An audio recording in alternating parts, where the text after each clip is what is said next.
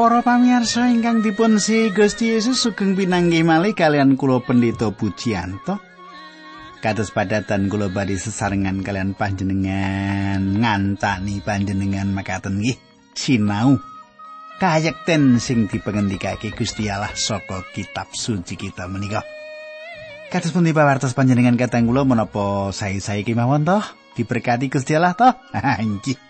Pandunga kula sak kanca saking batu kanthi makaten panjenengan tansah binerkahono tining Gusti Allah. Makaten nggih. Makaten kula adicara margi utami badhe sesarengan kelan panjenengan sugeng midhangetaken adicara menika.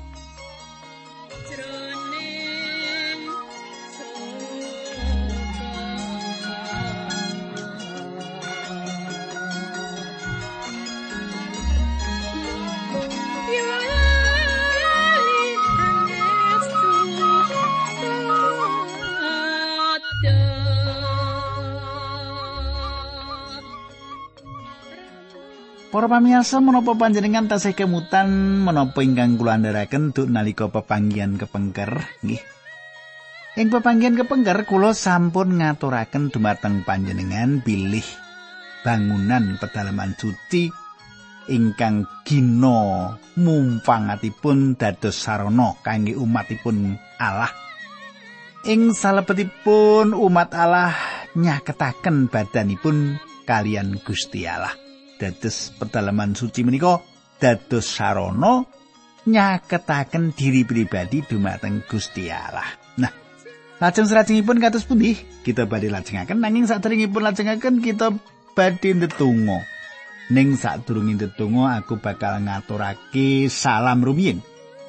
Dumateng Ibu Sumarti, Ibu Sumarti menika saking Karangrejo.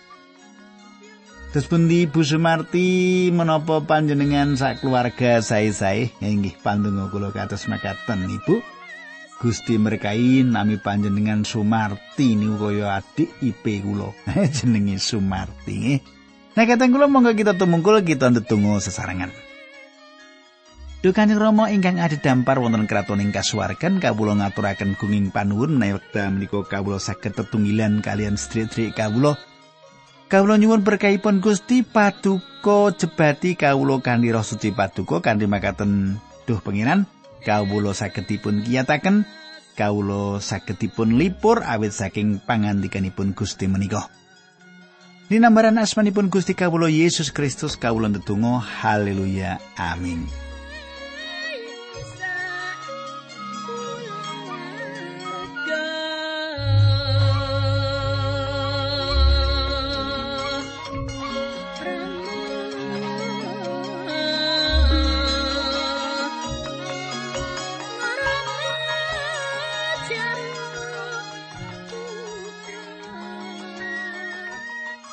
Para pamirsa ingkang kula tresnani, samenika pasinaon kita sampun lumebet ing setunggal para raja bab 8. Nggih. Bab 8 samenika kula pendet saking ayat swidak 3 ngantos swidak gangsa. Makaten pangandikanipun Gusti panjenengan setitikaken. Raja Sulaiman nyaosake kurban keselamatan rupa sapi 22.000 lan wedhus 120.000. Srana mengkono raja lan umat Israel kabeh nyaosake papan pangibadah mau marang Allah. Ing dina kuwi uga Raja Sulaiman nganakake upacara nucekake plataran sing ana ing ngarepe pedalaman Allah. Ing plataran mau Sulaiman nyaosake kurban hubungan, kurban daharan lan gaji kewan kanggo kurban keselamatan. Kurban-kurban disaosake ana ing kono merga mesbeh prunggu keciliken yen kanggo kurban-kurban mau kabeh. Ana ing pedalamane Allah kono Raja Sulaiman lan rakyat kabeh padha nganakake pesta riyaya tarub godhong nganti pitung dina lawase. Wong sing lumpuh ing kono akeh banget saka wilayah sisi lor dalan Hamad lan sisih kidul ya kuwi tapel watese tanah Mesir. Para pamirsa mesbeh-mesbeh ing pedalaman suci menika mboten cekap ngemot kewan-kewan kurban ingkang dipun sebataken ing salebetipun perangan menika. Awit saking menika mesbah ingkang asipat sawetawis dipun atekaken kangge ngurus kathahing kewan-kewan ingkang dipun kurbanaken ing wekdal semanten. Sesampunipun kewan-kewan menika dipun kurbanaken, dagingipun dipun andhapaken lan dipun dum-dum dumateng rakyat. Kulo lajengaken ayat 26. Bareng nyandak dina kaping 8 Raja Sulaiman nglilani wong-wong padha mulih. Sawise padha nyaosi sugeng marang Sang Prabu, wong-wong mau nuli padha mulih kelawan bunga nganti merga saking berkah sing wis diparingake dening Allah marang Daud, abdine lan marang Israel umat kagungani. Kadangkula wong sing mlaku dalane pangeran menika ora kurang dalan diberkahi. Nggih, panjenengan pitados menika? Awit saking menika menawi panjenengan kepengin diberkahi anak turun panjenengan, panjenengan ketah wedi asih dumateng Gusti Allah. Nah katang kula menika kita lumebet ing setunggal para bab 9 kula waosaken ayat setunggal ngantos 3 mekaten surau sing pangandikan. Bareng Sulaiman wis ngrampungake nggone yasa pedalemane Allah lan kedatone sarta kabeh sing wis dirancang.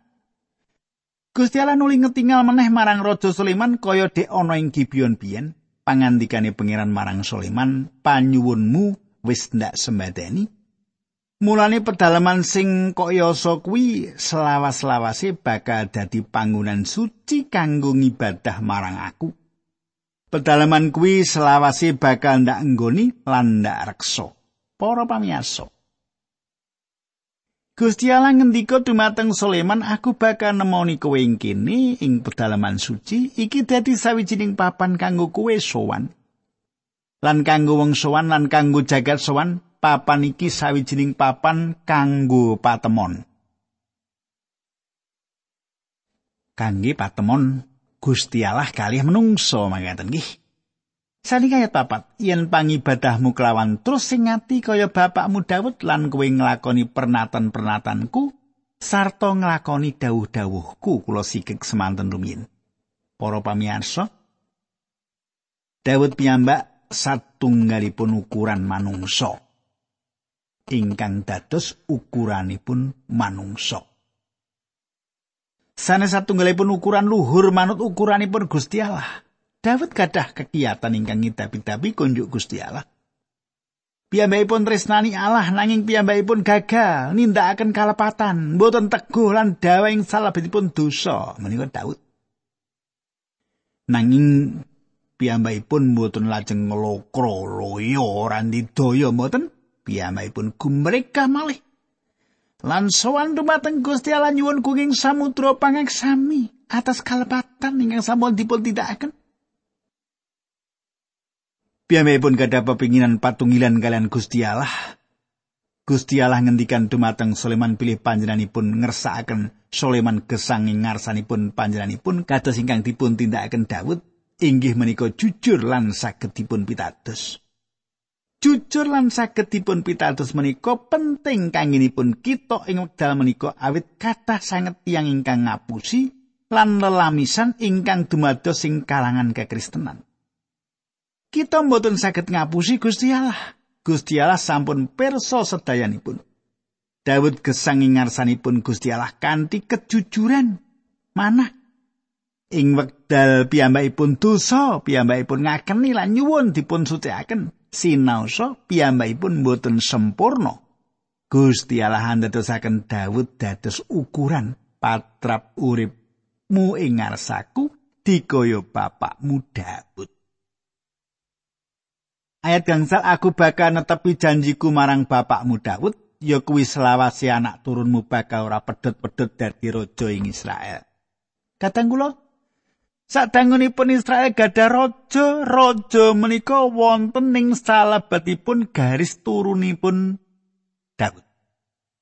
Sadangunipun Israel gadah raja, raja menika wonten ing salebetipun garis turunipun Daud. Lan ing satunggalipun wekdal mangke turunipun Daud menika inggih menika panjenenganipun ingkang astanipun kalih dipun paku lan nyepeng dados imamipun Sang Prabu kangge jagat raya menika. Liripun kula badhe ngaturaken Yesus ingkang dados tedhak turunipun Daud ingkang nyelametaken jagat raya. Nah ayat 6 pitu. Nanging yen kowe utawa anak turunmu nyingkur marang aku lan ora nglakoni dawuh-dawuhku, sarta pernatan-pernatanku apa meneh nyembah marang Allah-Allah liyane? Aku bakal mbuang umatku Israel saka tanah sing wis diparingake lan pedalaman sing wis ndak sucikake dadi papan pangibadah marang aku kuwi bakal ndak tilar. Ana ing ngendi-endi wong Israel bakal diremehake lan dipoyoki dening bangsa-bangsa. Kadang kula tiang Yahudi mesti kemawon gadah satunggal wulang bebasan ing wekdal menika. Wulang bebasan menika dipun turunaken kanthi cara lisan. Ayat wolulan songo. Setunggal rojo bab songo ayat wolulan songo. Dalam pengibadah iki bakal dijugrukake kanthi saben wong kang liwat ing kono bakal gumun lan kaget sarta padha takon tinakonan yo gini. Allah tumindak mengkono marang negara lan marang dalam pangibadah iki. Pitakon mau bakal diwangsuli mergo mate wis padha nyingkur marang pengiran Allah sing wis ngirit para luhuri metu saka tanah Mesir lan padha nyembah marang Allah-Allah liyane kuwi sebabe Allah maringi paukuman marang umate. Para pamirsa ing wekdal menika bangunan menika sampun dipun risak kenging menapa awit bangsa Israel nyupekaken Gusti Allah. Inggih menika jawabanipun. Menawi panjenengan menika supe kalian Gusti Allah, nasib panjenengan ugi kados bangsa Israel. Pedalamane Allah dipun risak nggih. Nah kadang kula kita lajengaken setunggal raja-raja bab songo ayat sedoso ngantos rolas makaten surasipun. Soleman nggone yoso pedalaman Allah lan kedatone lawase rong puluh tahun. Sakai kayu cemoro Libanon lan kayu cemoro lumrah sarta sakai emas sing dibutuhake kanggo bangunan mau kuwi sumbangane raja Hiram marang Sulaiman Bareng Sulaiman nggone yasa mau kabeh wis rampung raja Hiram disausi kutha 20 ing wilayah Galilea. Raja Hiram mirsani kutha-kutha mau nanging penggalia ora rena nampani sausan mau. Para pamirsa ing wekdal Hiram ningali kalih kita menika Piyambakipun rumaos bilih dumateng piyambakipun dereng dipun sukani bayaran ingkang sakcekapipun atas daya ingkang dipun tindakaken dumateng Sulaiman kegayutan anggenipun bangun pedalaman suci menika. Ayat 13 ngantos kang 11. Pangandikane marang Sulaiman sederek kula ingkang kinasih kok kados makaten rupinipun kita-kita ingkang panjenengan paringaken dhateng kula. Kuwi sebabe daerah kuno disebut Kabul. Kabul ing basa Ibrani liripun mboten wonten reginipun. Mas kirimane Raja Hiram marang Sulaiman mau bobote patang ewu kilogram luwih.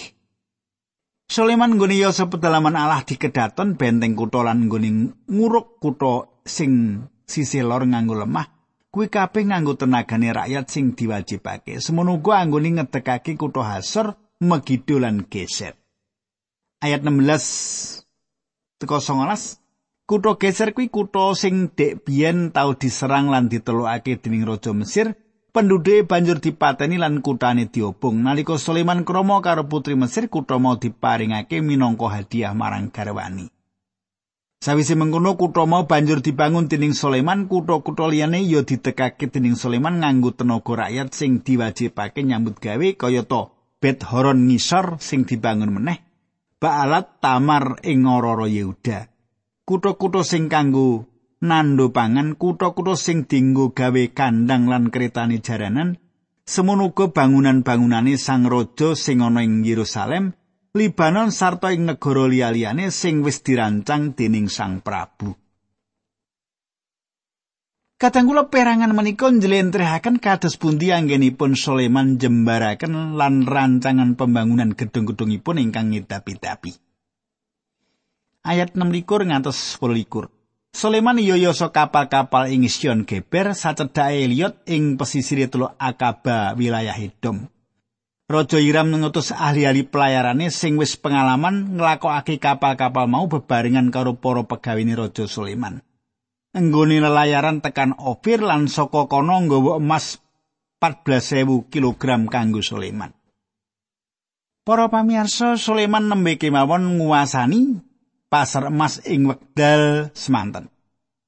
Piyambakipun ugi gadah angkatan laut ingkang kiat Esion Geber papanipun wonten ing sisih wetan saking laut tengah. Papan menika dados papan pelabuhan laut tumrap Sulaiman. Papan menika wonten ing caketanipun kitha Eliot ing Israel. Kami suran Sulaiman tambah-tambah lan cetha kathah tiang ingkang kisah dhateng Yerusalem kangge manembah Gusti Allah ingkang gesang lan nyektos. Samenika pasinan kita lumebet setunggal para raja sedoso.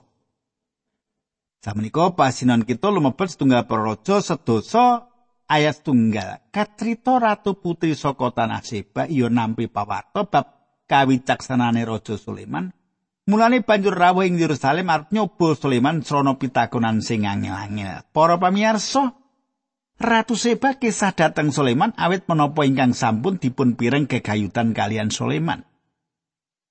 Piyambakipun sampun mireng babagan pedalaman suci ing pundi manungsa saged nyaket Gusti Allah Ratu Seba kepingin mangertos bebakan menika.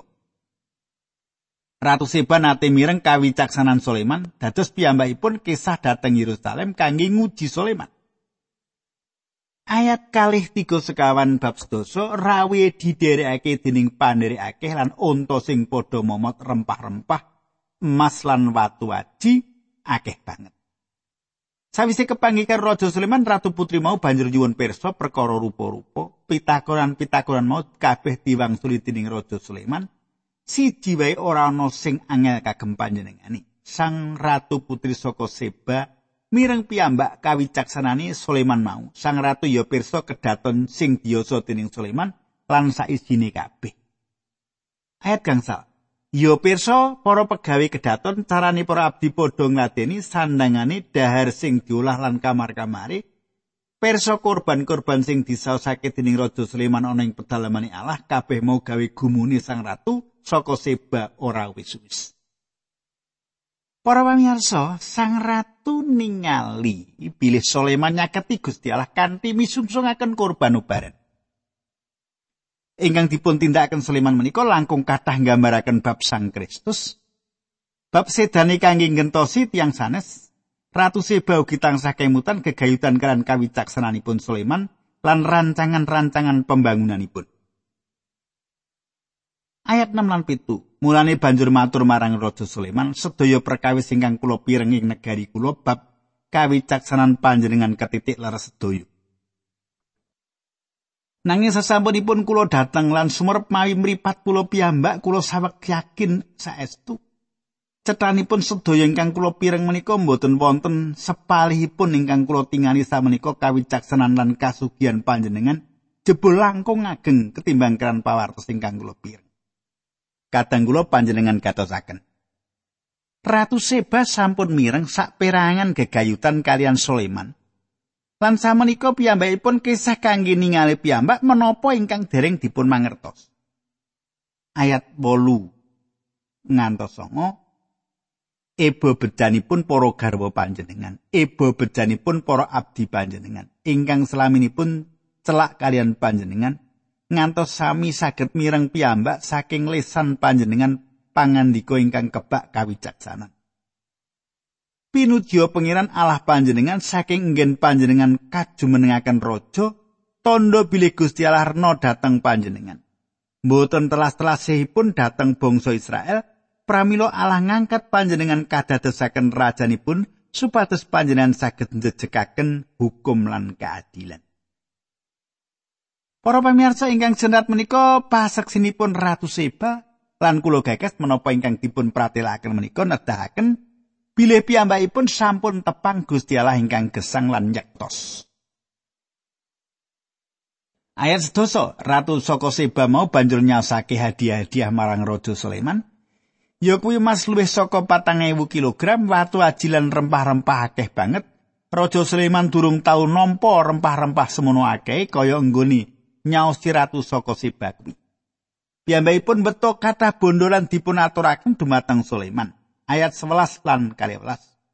Kecerita prau-prau Hiram sing nggawa mas saka Ofir kanggo Raja Sulaiman uga nggawa watu aji akeh lan kayu cendono. Kayu cendono mau dening Sulaiman kanggo gawe pager hiasan ing pedalemane Allah lan ing kedatone lan iya kagawe piranti musik kayata ketapi lan gambus kanggo para abdi sing ahli musik. Kayu cendono kuwi kayu sing becik dhewe ing antarane kayu-kayu sing ditekake ing Israel durung tau ana kayu sing becike kaya mengkono. Para pamirsa, Hiram inggih menika raja Tirus saking Venesia, tiang-tiang menika kalebet bangsa pelaut. Kita tingali ing mriki bilih Sulaiman nglajengaken program pembangunanipun. Piyambakipun damel cagak-cagak kangge pedalamanipun Gusti lan kangge kedatonipun sang raja ugi damel clempung lan gambus terbang kangge tiang-tiang ingkang ngitung. Ayat 13 Sulaiman genten nyaosi sang ratu saka Seba apa wae sing dikersake kejaba kuwi ya hadiah liyane sing lumrah diparingake dening Sulaiman marang tamu-tamune. Sawise mengono sang ratu lan pandhere padha kundur menyang tanah Seba. Para pamirsa, Cariyos ratu Seba dados satunggal contoh kathah tiyang kang swan nepang Gusti Allah ing wekdal semanten. Cariyos para rasul nyerat sawetawis pamratobat kados pegawe kraton Ethiopia. Saulus saking Tarsus lan Cornelius nanging kita mangertos ewon tiyang kang suwan kangge tepang Sang Kristus ing jaman semanten. Kita lajengaken ayat 14 ngantos 16 bab sedasa setunggal rojo-rojo. Saben taun rojo Sleman nampi kurang luwih 33.000 kilogram mas. Durung sing ditampa saka para sadhereke saka bebatene dagangan lan saka raja-raja Arab sarta para bupati Israel. Raja Sulaiman dawuh gawe tameng-tameng gedhe sing dilapisi emas. Saben tameng ngentakake emas pitung kilogram. Kadang kula Sulaiman bangun pasar emas. Kerajaan sampun dumugi puncakipun sayetosipun Dawet ingkang nuntun ngantos gadah kalenggan ingkang kados makaten. Nanging samenika Sulaiman kalebet tiang ingkang saged majuaken lan ngraosaken katentreman luber-luber lan makmur. ayat kali likur. Soleman kagungan kapal-kapal gedhe gedhe akeh sing padha layaran ing samudra bebarengan karo kapal-kapal Raja Hiram. Kapal-kapal mau saben taun bali nggawa mas loko gading lan ketek-ketek gedhe cilik. Para pamirsa, wonten seratan ingkang kirang saing mriki Sulaiman dipun timbali nyukani kesaksian dumateng jagat. Jagat sami kisah dateng negarinipun lan menapa ingkang dipun tindakaken pun nerasaken wekdalan kegiatanipun namung kangge maremaken pikiran utawi gagasanipun. Para pamirsa, sepindah malih luber-lubering babakan bondo dunyo kala-kala nyupekaken tugas lan kewajiban kita minangka jejere wong pertoyo. Nggih Nggih, Ala apa nang ngrijo barang wong apa-apa wis cukup. Lah apa aku ngewaki pelayanan apa-apa wis cukup ora sah ndedonga wis ana dhewe duwite. gitu. Ampun kados mekaten nggih. Ampun kados mekaten ampun ngantos panjenengan bangun menapa kemawon ngentosi Gusti Allah sing dados raja wonten gesang panjenengan. Namung kita tumungkul kita ndedonga sesarengan. Duka nyuwun romeng swarga kawula ngaturaken guing panuwun menawi kawula saged nulodo perkawis-perkawis ingkang mboten sae. Ingkang kedah kawula tilaraken lan kawula nyuwun supados Gusti nuntuni kawula supados ing gesang kawula ngluhuraken asma patuko. Dinambaran asmanipun Gusti Yesus Kristus kawula tumuh. Haleluya. Amin.